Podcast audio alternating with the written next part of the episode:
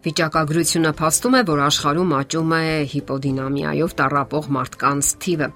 դրանից բխող բոլոր անցանկալի հետևանքներով։ Գիտնականները դա բացատրում են նրանով, որ գրասենյակային աշխատանք ունեցող մարդիկ, որ թաղված են անվերջանալի գործերի, սթրեսների ու հիմնախնդիրների մեջ, պարզապես ժամանակ չունեն շարժվելու։ Իսկ եթե աշխատանքային օրվա ավարտից հետո մարդկանց սպասում է սեփական մեքենան, այնուհետև վերելակը, ապա արդեն դրված է առողջական լուրջ հիմնախնդիրների սկիզբը։ Սակայն այդպես երկար շարունակել չի կարելի։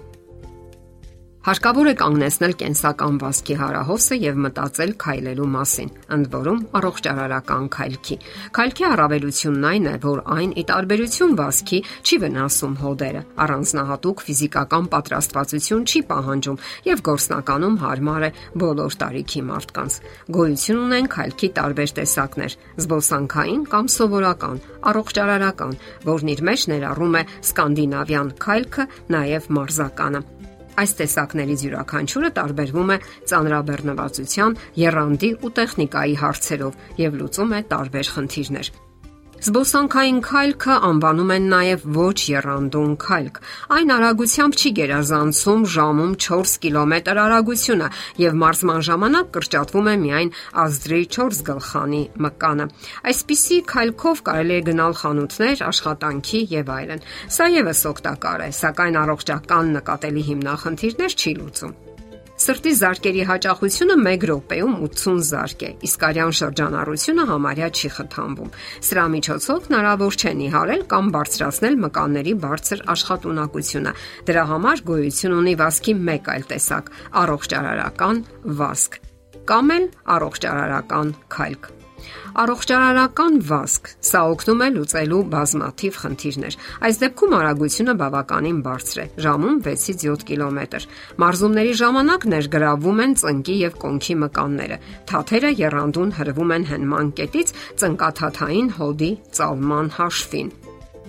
Այս վազքը առանձնահատուկ տեխնիկա է պահանջում, որը փոքրինչ նման է մարզական քայլքի տեխնիկային։ Շարժումը տեղի է ունենում կրունկի միջոցով, որոշակի մկանների եւ հոդերի սահուն ու ներդաշնակ համագործակցության արդյունքում։ Հարկավոր է հիշել, որ ողջ շարժման ընթացքում ոտքերը պետք է ուժեղ լինեն, իսկ քայլքը վստահ։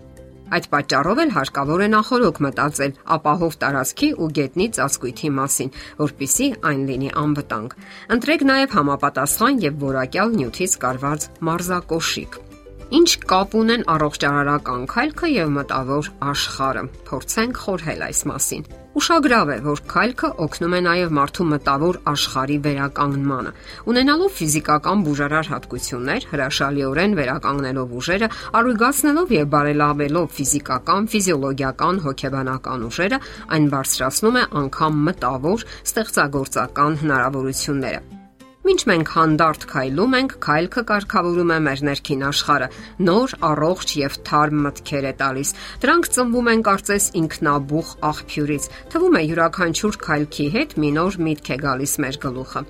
Այսպիսով քայլերը շարժման մեջ են դնում ոչ միայն օրգան համակարգերը, այլև ծառայում են մարմնի եւ հոգու միաբանությանը։ Քայլքի ժամանակ մեկ քայլը հետևում է մյուսին, ինչպես մեր միտքն է հետևում մյուս մտքին։ Մտածել նշանակում է գտնվել շարժման, այլ ոչ դադարի վիճակում, ինչպես քայլելու դեպքում է։ Գաղտնիք չէ, որ շատ հիվանդ մարդիկ հիվանդանում են նաև հոգեբանությամբ։ Նրանց մեջ բացասական, հորետեսական մտքեր են ծնվում։ Ճիշտ է նաև հակառակը, երբ բացասական մտքերը ծնում են մարմնական հիվանդություններ ազատ միայնակ քայլքի ժամանակ դուք ոչ թե քայլում եք, այլ կարծես թռչում։ Մտքերն ուղակի հորդում են բուրըն թափով։